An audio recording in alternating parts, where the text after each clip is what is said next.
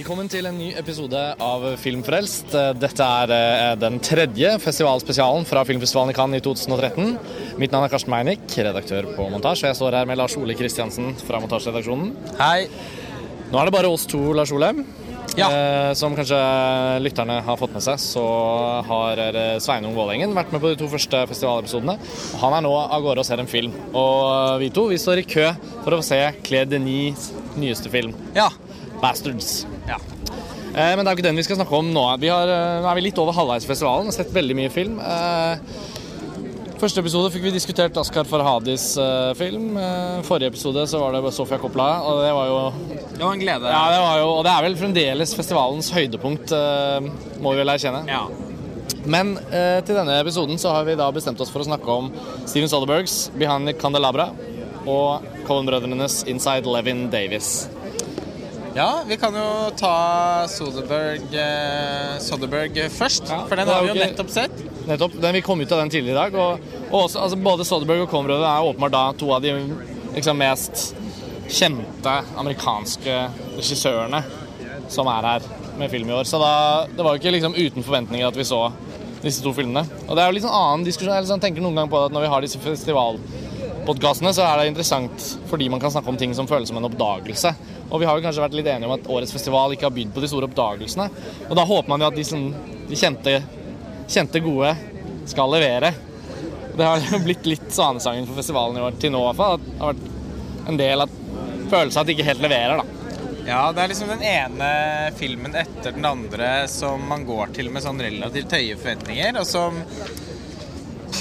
ikke og som ikke er katastrofal eh, på noen som helst måte, men som bare er litt sånn dvask. Og eh, fordi at det har vært så mange sånn halvskuffende opplevelser, så hadde vi jo gira oss veldig opp til Behind the Candelabra, både fordi den så så morsom ut, og fordi Soderberg har vært i sin livsform de siste par årene. Og levert så mange bra filmer på rad. Altså The Girlfriend Experience, Haywire, Magic Mike, Side Effect, som vi så i Berlin, som vi var, begge var veldig, Veldig, veldig bra. Den kommer forhåpentligvis på kino til høsten i Norge. Ja. Så han har liksom hatt en ny film omtrent sånn hvert halve år, da, i to år nå. Til og med Contagion, som eh, Ja, det, ja, ja. Og så Skje 1 og 2 og Girlfriend Experience før det. Altså de, han har vel hatt en film i halvåret de siste tre årene, tror jeg.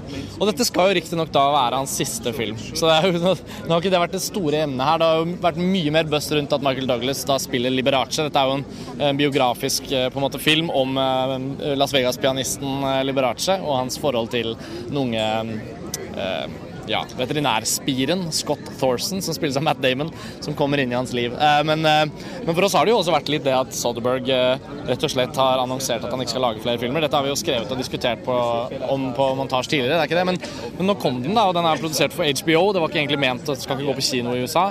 Og så ble den tatt med til Cannes, og ikke bare tatt med til Cannes, men uh, Thierry Fremont insisterte på at Soderberg måtte stille med filmen i konkurransen. Han syntes den var så sterk. Så det har jo skapt, det har jo, alt dette har jo bidratt til noen av de forventningene. Pluss at han har vært i så god form. Ja, og så har man bare sett bare bildene, altså promobildene med Michael Douglas spesielt, da, har jo, har jo sett veldig morsomme ut. Og, og, og den delen av filmen leverer jo veldig også. Eh, måten Soderberg har, eh, eller Soderberg har eh, liksom fanget den altså litt sånn harry, men også veldig glamorøse esteti- estetikken, da, eh, er, eh, er veldig overbevisende, syns jeg. Eh, er veldig Jeg syns han, synes han klarer å ramme inn historien på en veldig flott måte. Men det er vel kanskje historien i seg selv som, som skuffet.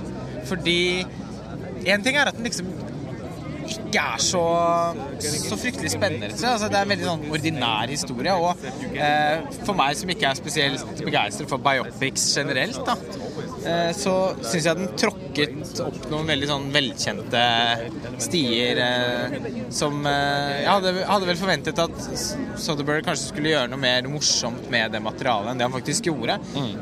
Ja, jeg er enig med deg. og Det, eh, jeg opplevde veldig at vi satt og så en film som var veldig underholdende, som hadde mye å by på. En fantastisk rolleprestasjon av Michael Douglas. Fascinerende univers. Og det er jo ikke noe som er på en måte dårlig her. Nei, sant? nei, Det det nei, der jeg tror vi begge hadde en veldig sånn Det var en, det var en sånn slags sånn energitilførsel til festivalen. Ja. Men så sitter man jo veldig tydelig og ser at uh, om ikke seiersrekken hans nå er brutt nødvendigvis, så har han på en måte lagd en film som, som bare aksepterer at den er en standard biopic. Han, eh, han, han går ikke inn i det med den Soderbergske eksperimentalismen som, han, som han så ofte tilfører. Altså, til og med Magic Mike var jo en film hvor han pga. fortellingen og pga. leken med sjanger og ting som var snudd på, så, så fikk han liksom vært den lekne filmskaperen, da. Men her Den er jo egentlig et helt fantastisk eh, eksempel på eh, begge sidene av Soderberg. Altså, der klarer han jo å kombinere både eh, å lage en relativt konvensjonell underholdningsspill, eh, som spiller på strenger som massepublikummet setter veldig pris på. da.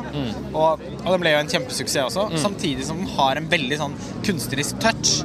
Eh, og det er vel kanskje det denne mangler litt, da. Den, eh, den føles veldig sånn rettlinjet til Ja. Soderberg å være på alle måter. Den er også litt for lang. altså Den er to timer. Jeg føler ikke at den historien, som egentlig ikke er så rik, da eh, den, Jeg føler ikke at den trenger så lang tid på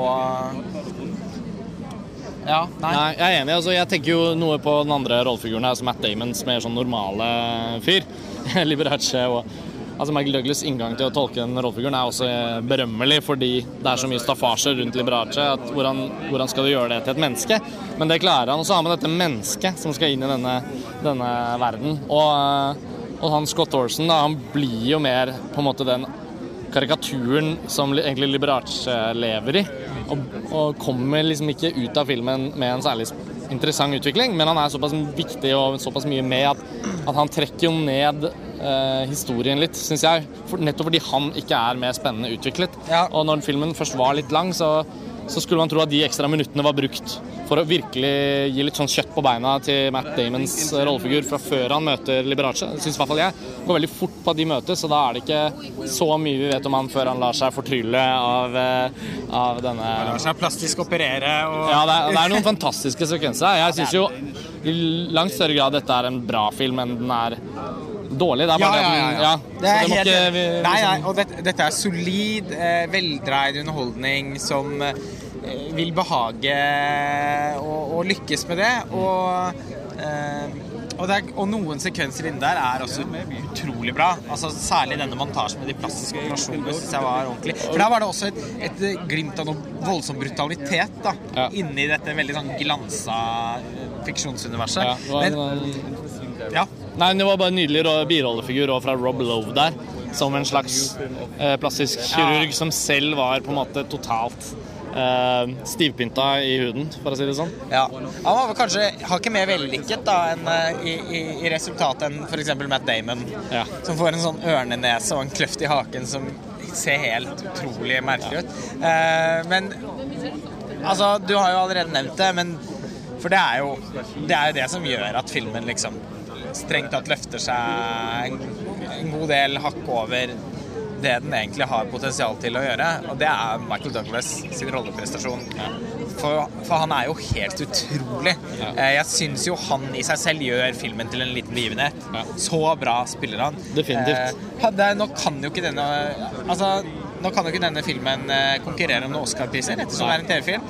Eh, hvis den hadde vært en vanlig kinofilm, så hadde, den, hadde han jo vært en tidlig frontrunner til Oscar. Og, og utseendemessig, altså filmen Nå er jo den skillelinjen, eventuelle skillelinjen mellom en såkalt TV-film og en såkalt vanlig film Ja, det er jo totalt visket ut. ja, nei, det, det er jo er- ikke bare denne filmen som er et eksempel på det, men liksom den kunne, kunne jo fint bare ombestemt seg og sagt fuck it, vi setter den opp på kino, for den er så bra. Ja. Eh, og det skal mye til for at ikke Michael Douglas får prisen for beste mannlige skuespiller her i Cannes. Ja, Det ville være et sjokk hvis han ikke gjør det, syns jeg. Nå, vet, du, nå har vi fortsatt noen filmer igjen. eh, Selvfølgelig. Men, men likevel. Den var så, det var så knusende bra og så nydelig. Jeg syns jo, jo han ble veldig sånn en veldig sjarmer... Altså nesten rørende rollefigur, da. Ja. På grunn av Michael Douglas sin så Det er sånn Det handler om sånn helt sånn små, små detaljer som man bare får helt rett. men selve karikaturen Liberace tydeligvis er jo altså så overdimensjonert bare sånn fra sånn han må ha vært. Ja. At, eh, som jeg var inne på i stad, at kunsten å gjøre han menneskelig på en film, og film er jo et medium som også forstørrer, har veldig lett for å forstørre den virkeligheten den gjengir, ikke sant? Og det han gjør er liksom sånn Noen ganger så er det så fristende å bruke litt lang tid på å snakke om en skuespillerprestasjon fordi, fordi det er så lett å si at «Ah, han var utrolig bra, men hva betyr det egentlig? Og, det, og her når man ser trailere eller ser noen bilder på denne filmen og ikke har sett den selv, så kan man godt se at jo, de sier han er bra, det er sikkert fordi at han bare gjør en veldig bra en måte, imitasjon. da. Og, og vi begge var enige da vi gikk ut av filmen at ingen av oss hadde noe særlig kjennskap til Liberace før, så jeg vet ikke om det er veldig veldig tett på imitasjon, men det viktigste er at det ikke føles som det. Nei, det Han- føltes ikke sånn. Han bringer noen små smil, måten han skyver kjeven på med et lurt blikk, eh, stemme og, og, og han, måten han gjør en sånn veldig Ja. Og, og kanskje nesten først og fremst det at han er mest av alt Michael Douglas.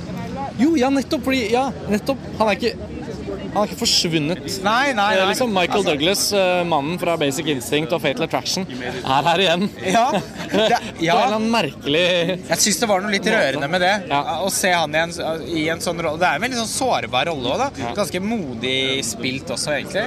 Eh, med den, altså Michael Douglas sin gamle kropp og i det hele tatt. Eh, men han Det er veldig Michael Douglas, og det er sånn Det er jo også noe litt, litt sånn harry med Michael Douglas, er det ikke det? Jo, Mannen fra de erotiske thrillerne. Nettopp. Han, og han representerer jo en eller annen sånn merkelig tidsalder. da. Ja. Uh, filmene som gikk på TV3. Men også 'Falling Down' og 'Wall Street'. da. De rollefigurene er kanskje ikke like sterkt til stede her. eh, Men, eh, men uansett, jeg har alltid tenkt at Michael Douglas er jo en litt sånn super filmstjerne. Han, Han jo- han har jo gjort faktisk- mye kult. Jeg syns han er helt strålende. Altså, rollen han gjør i ja, Basic Instinct eller med Fatal Attraction, som nylig hadde et gjensyn med, som jo er en fantastisk film. Men han, hans rolleprestasjon der også er liksom knivskarp. Han er veldig, veldig bra. Så, og han, han har liksom bare forsvunnet. Og så Jeg fikk jo aldri sett Wall Street 2. Han spilte vel litt. Og så hadde han kreftsykdommen og ja. Men han Det gir en ekstra dimensjon for øvrig til Behind the Candelabra. Da, for han, han er jo ganske svak i ganske mange øyeblikk her i denne filmen. Og det å tenke på at Michael Douglas like før denne filmen eh, virkelig kjempet for å overleve kreftsykdommen, da, og klarte det. Eh, ja, det gir en ekstra dimensjon. Jeg synes jo også det er verdt å nevne Michael Douglas som liksom faktisk Altså, The Game, Traffic Han har liksom gjort Han har jo liksom Han har på en måte ja, han er en sånn lite anerkjent egentlig skuespiller, og nå føles det som en fin anledning til å anerkjenne han litt. Ja. Eh, Oscaren han vant, var jo som produsent for eh, Gjøkeredet i sin tid. Og hovedrollen for Wall Street. eh, Vant han for den, ja? Ja. Okay, ja, Det hadde jeg ikke jeg på minnet. Så han har fått det. Ja, men det er bra å vite. Men når han kommer til å vinne for beste skuespiller her i Cannes, så det må han gjøre. Ja, altså, og det er veldig ja. kult. Det er. Ja. det er gøy å se gamle helter våkne igjen, på en måte. Og det virker som vi kan være litt enige om det at eh, For vi har jo liksom Vi har det jo hatt, hatt veldig mye gøy eh, med samtalene som vi har hatt rundt Soderberg- Soderbergh-filmene de siste Særlig de siste to årene nå, da. Og det har vært blitt mange podkaster og Ja. ja, i det hele tatt. Men kan vel være kanskje enige om at dette først og fremst er, en, er Michael Douglas sin film. Ja. Mer enn en Soderbergh-film. Michael Douglas er vel autøren her. Ja, altså. ja men det, det, det er liksom Det er han som Det er han som sitter igjen og som gjør at jeg faktisk på et eller annet tidspunkt nok kunne tenkt meg å se filmen en gang til. Bare for å se hans prestasjon igjen. Eh, faktisk Jeg spurte her om eh, Traff en kinosjef, og det er litt usikkerhet rundt om den skal på kino i Norge.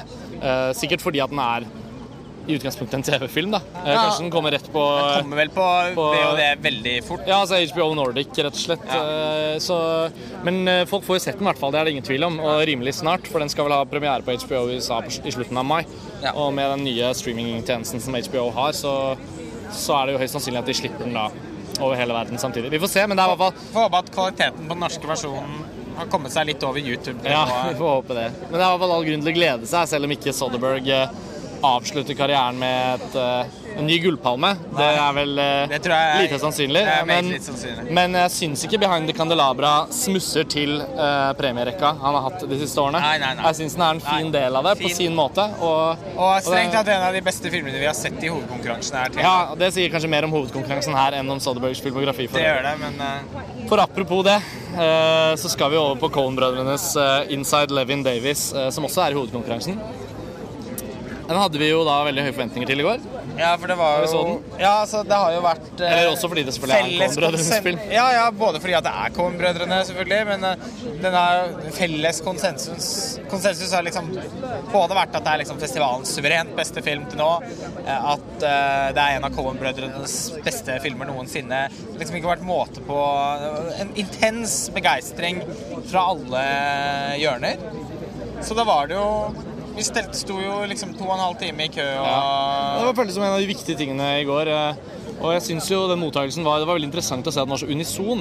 Ja, for det var den Eh, virkelig. For Coen-brødrene selvfølgelig, de har laget veldig mange solide filmer. Jeg husker på midten av 00-tallet at det var en slags sånn herre Coen-brødrene har ikke laget én dårlig film. Nei. Og så kom den eh, Lady Killers. eh, Nei, var det ikke Intolerable Intolerable, Cruelty da, som jeg aldri har sett. Jeg har ikke sett det. Nei. Mange som er sier at den få- er veldig god. Altså, Ja, men det er en av de få sånn. Coen-brødrene-filmene jeg ikke har endt opp å se. Og det har handlet om at folk har bare Den har på en måte bare virket som den står igjen som en litt sånn uinteressant, uviktig og kanskje en svak Colin-film. Og så så jeg The Lady Killers, og da tenkte jeg at dette er den dårligste Coen-brødrene-filmen jeg har sett. Eh, Men det at, han, det at de har levert så bra, da Selv om vi to var også enige om at True Grit kanskje ikke var det store, men det var underholdende. Eller liksom, ja, bra. Og Serious Man var helt Ja, fantastisk. den er jo virkelig fantastisk. Det er den forrige virkelig bra filmen de gjorde. Men så Ja, kom og en av de, jeg syns det er en av de topp to Coen-brødrene-filmer. Jeg har virkelig fått eh, blitt veldig, veldig svak for den. Da. Når jeg har sett, fått sett den eh, flere ganger, så syns jeg jo den eh, rett og slett er Ja, nei, bare helt uh, fantastisk. Og, I'm a- Serious Man skulle jo da kunne gi signaler om at Coen-brødrene på ingen måte har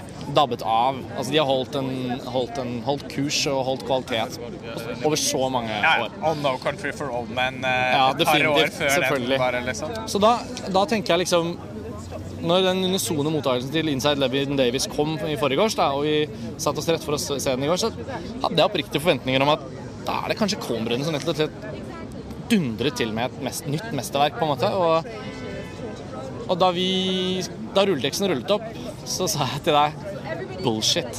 Jeg må bare gjengi det ordet, for jeg føler det er så dekkende. Dette er altså absolutt den dårligste filmen til Coen-brødrene. Og det er, er Og jeg syns jeg har Ja, vi har diskutert litt, fordi Ja, vi var jo veldig enige, da. Ja, heldigvis skal ikke dette bli en krangel mellom oss. Nei, fordi eh, det hadde kanskje vært morsommere for lytterne, men, Jo, men, eh, eh, det er, vi, Nei, her var vi merkelig enige. Vi står omkranset av hundrevis av mennesker eh, nede på Kantfestivalen, og jeg har en følelse av at nesten ingen her ikke likte den filmen. Men hadde jeg følt meg usikker på om jeg bare gikk glipp av noe, eller om det ikke var etter min smak og alt mulig sånn, så hadde det kanskje vært lettere å si sånn Ja, dette var ikke helt for meg. Vel, vel, liksom alle dere andre liker det. Men jeg syns Inside Levin Davis var en, en åpenbart dårlig film. Dårlig tenkt. Innholdsløs. Kjedelig. Um, umorsom, men prøvde å være Prøvde morsom. å være morsom. Det er noe av det mest frustrerende å være vitne til. Og, og for Coen-brødrene, som er så gode på å være morsomme. Da. Så og er- kul tenk, måte, Ja, altså, sånn. tenk på Serious Man, liksom. Det er en av de filmene jeg har ledd mest av de siste årene. Ja, ja, ja. ja. Eh, men, Kunsten å lage en alvorlig historie på en morsom måte, eksempel, som de har mestret, og prøver igjen her. her er det liksom Det er sånn Meet the Parents-nivå eh, på humor, liksom. Bare at ikke det er like morsomt som Nei, ikke på langt nær så morsomt som i Meet the Parents. Jo, men det er sånn helt Det er, det er barnslig. Fins ikke morsomt. Prøver å være morsom hele tiden. Lykkes aldri. Jeg dro nesten ikke på smilebåndet under filmen. Og da høres det selvfølgelig fryktelig surt ut når man hører om alle andre som syns det var så gøy. ingen vil elske må bare være helt ærlig. Ja, samme her. Og jeg, jeg synes da, og det blir liksom Den frustrasjonen vokser ikke nødvendigvis bare ut av at man kommer med forventninger om noe. Det er også sånn Cohen-brødrene. De presenterer en ny film i Cannes. Og, og jeg leste den filmen med ytterst høy oppmerksomhet og var veldig klar for at den skulle komme til det punktet hvor jeg ble sugd inn og, og på en måte det mesterlige oppsto. Men det kommer ikke. Det fins ikke der. Og derfor sier jeg at det er jeg call bullshit. liksom. Det er ikke det er bare ikke det er ikke det folk sier at det er. Nei, det, altså, man kan jo begynne kan jo bare gå helt konkret Vi må liksom gå litt gjennom det, ja. Eh, ja, fordi For det første så syns jeg det er en veldig flat og kjedelig hovedkarakter, spilt av han Oscar Isaac. Som jeg i og for seg har eh, likt tidligere. Syns han var passet ganske fint som eh, prins Johan i Ridley Scotts eh, Robin Hood-film. Ja. Syns han funket veldig bra i Sucker Punch til Zack Snyder. Som jeg jo, i motsetning til de fleste andre, syns er en fremragende film. Men han, for meg så Jeg, jeg, jeg, syns bare ikke han. Jeg syns ikke han klarte å formidle den desperasjonen som hovedkarakteren åpenbart er ment å føle på. Syns jeg ikke han klarte å formidle. Jeg syns han var liksom dekket inn i sitt eget ansikt. Eh, Og skjegg. og skjegg og hår. Og, jeg, jeg synes det var en fryktelig kjedelig hovedkarakter. Og han spiller jo da tittelkarakteren Inside Levin Davis Nei, Levin Davis, unnskyld. Ja. Som, eh, som er en visesanger som prøver å lykkes med det han holder på med i New York. Men som er for middelmådig til å noensinne bli den som faktisk trekker det lengste strå. Og hans på en måte selverkjennelse av at strevet kanskje ikke kan nå et mål, er på sett og vis det liksom, fortellingen dreier seg rundt. Og filmen utspiller seg i løpet av en uke. Og, og det er liksom setupen. Uh, bare for å ha liksom sagt det, hvis det var liksom- noen som ikke har og eh, der, fått det og der kan man jo minne om både Barton Fink og A Serious Man. Altså, handler om en, en mann som har fått eller tatt på seg en eller annen livsoppgave. Som Eh, han ikke skjønner hvorfor han ikke lykkes med. Eller Nei, sånn, ja. ikke sant. Og så er det Og de pleier jo normalt å få altså denne kverna med omstendigheter og litt sånn halvabsurde innfall. Bikarakterer som kommer og er snåle og morsomme og forsvinner ut igjen. De pleier å være veldig gode på det.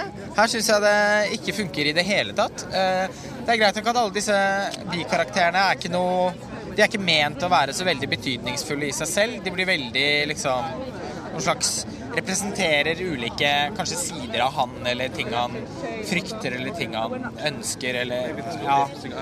Ikke noe av det fungerer. da. Carrie Mulligan, for eksempel. da, en, utrolig merkelig cast, uh, eh, rolle som hun ikke Merkelig skrevet rolle òg. Ja, som Sånn, den banningen Ja, vi, den, filmen glir inn i første halvdel uten å spoile noe om handlingen, så, så er det en del med Carrie Mulligans rollefigur. Og det er noen, noen sånne dialogscener hvor, som plutselig blir sånn eksplosivt uh, uh, aggressive, og, og det er veldig mye Det er forventet at publikum skal oppleve det som humoristisk eh, i, i sin selve liksom, i sin natur, i sin skildring, men det er liksom utrolig frustrerende å da se på hennes måte å gjøre den dialogen på. Eh, Ikke det at det nødvendigvis ville funket så mye bedre med noen andre, men det er en sånn, det er en sånn, det er en sånn feilbalanse mellom hvordan hun velger å gjøre det, og hvilken tone filmen har satt, og hva som blir sagt.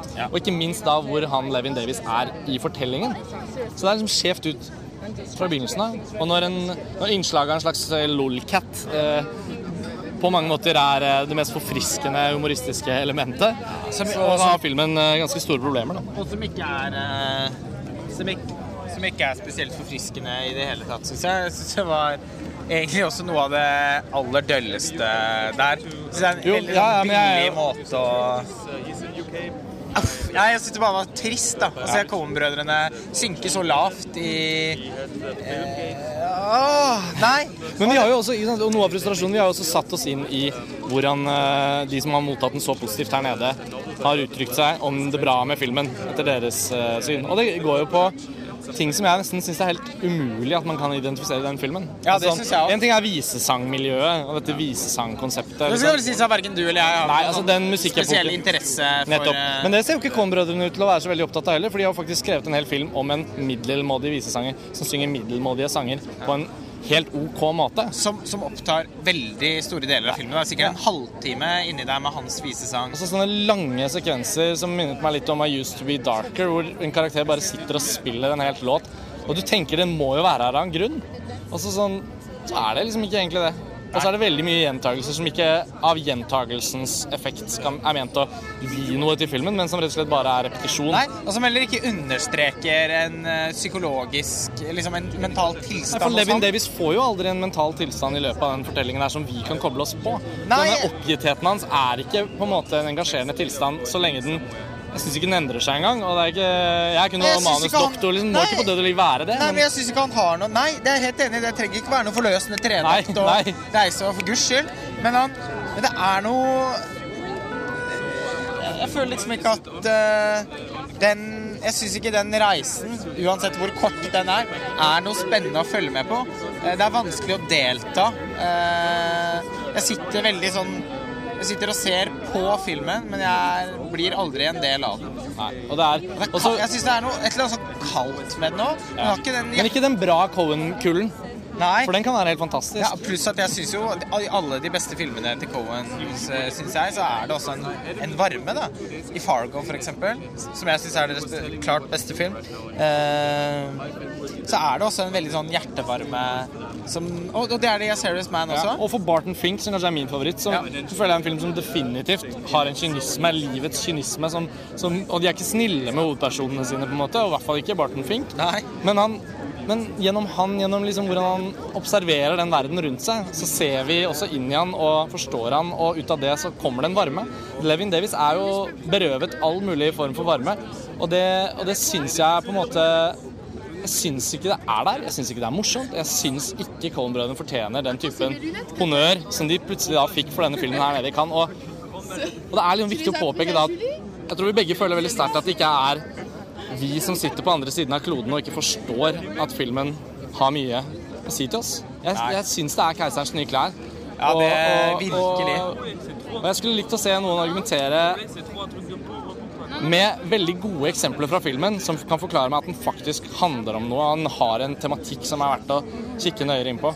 Altså dette folk, eh, så visesang, folksong-elementet og hans liksom kunstneren som ikke oppnår, og disse figurene han møter på, og denne katten som heter Ulysses og sånn. Jo, det er kanskje noe spor her, men det er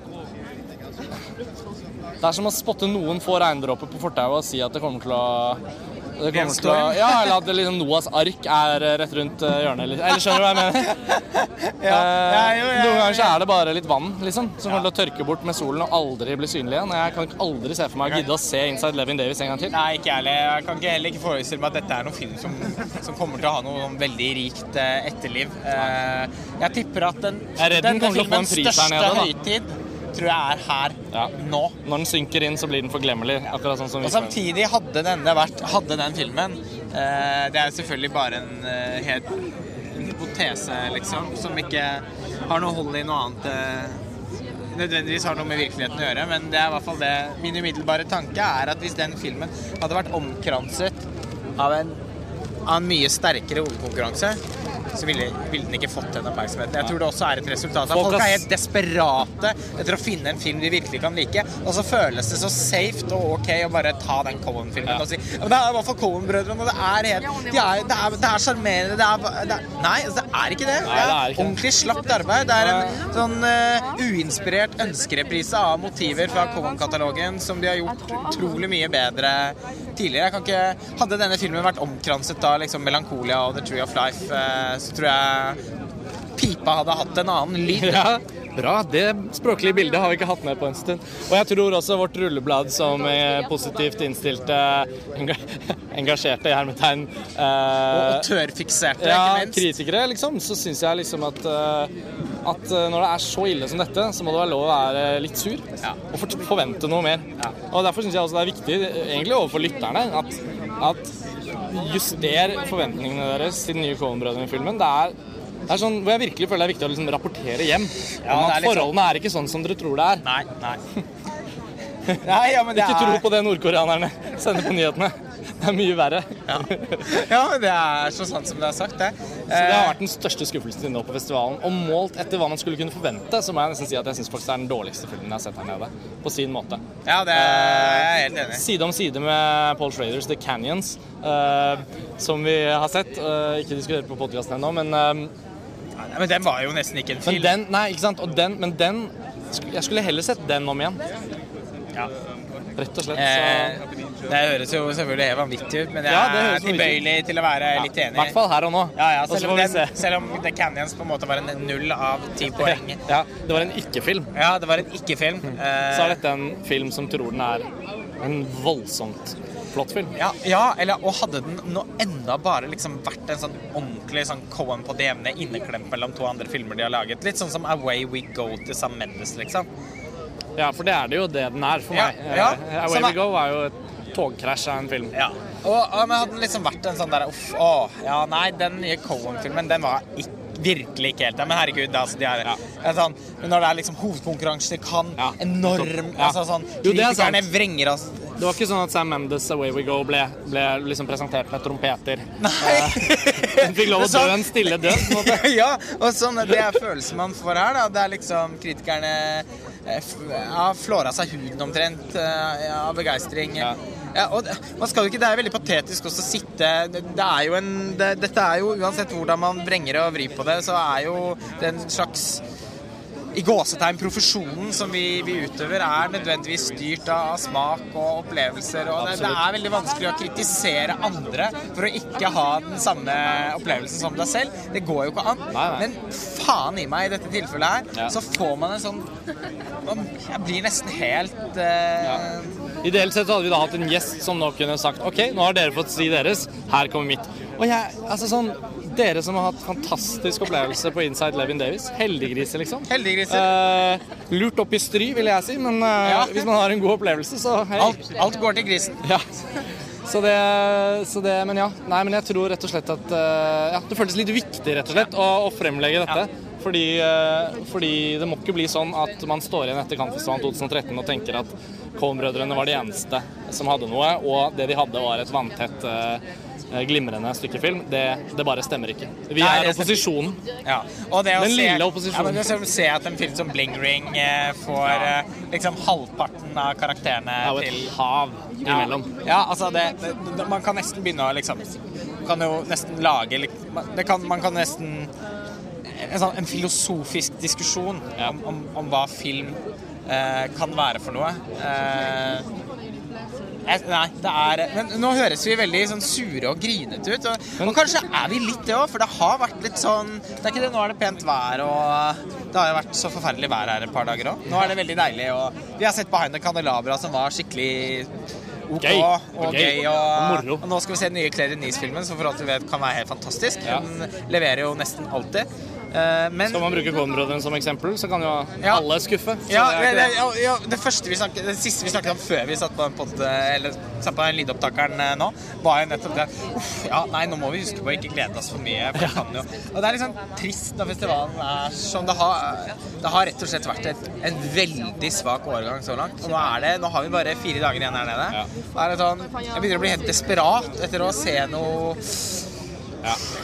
Ja, nei, men det blir, det blir jo Se spennende. film med litt sprut i. Uh, det er nok mulig at det spruter noe blod når Nicolas Winding Reffen hever øksa, så vi får, vi får Ja. se hvordan det går. Men uh, da fikk vi i hvert fall diskutert Behind the Candelabra, News Soderberg, og dere som har hørt helt hit, har da fått med dere at forventningene til Inside Levin Davis kan plasseres på et moderat nivå hvis dere, hvis dere er enige med oss, som regel, i Ja. vår filmsmak. Ja.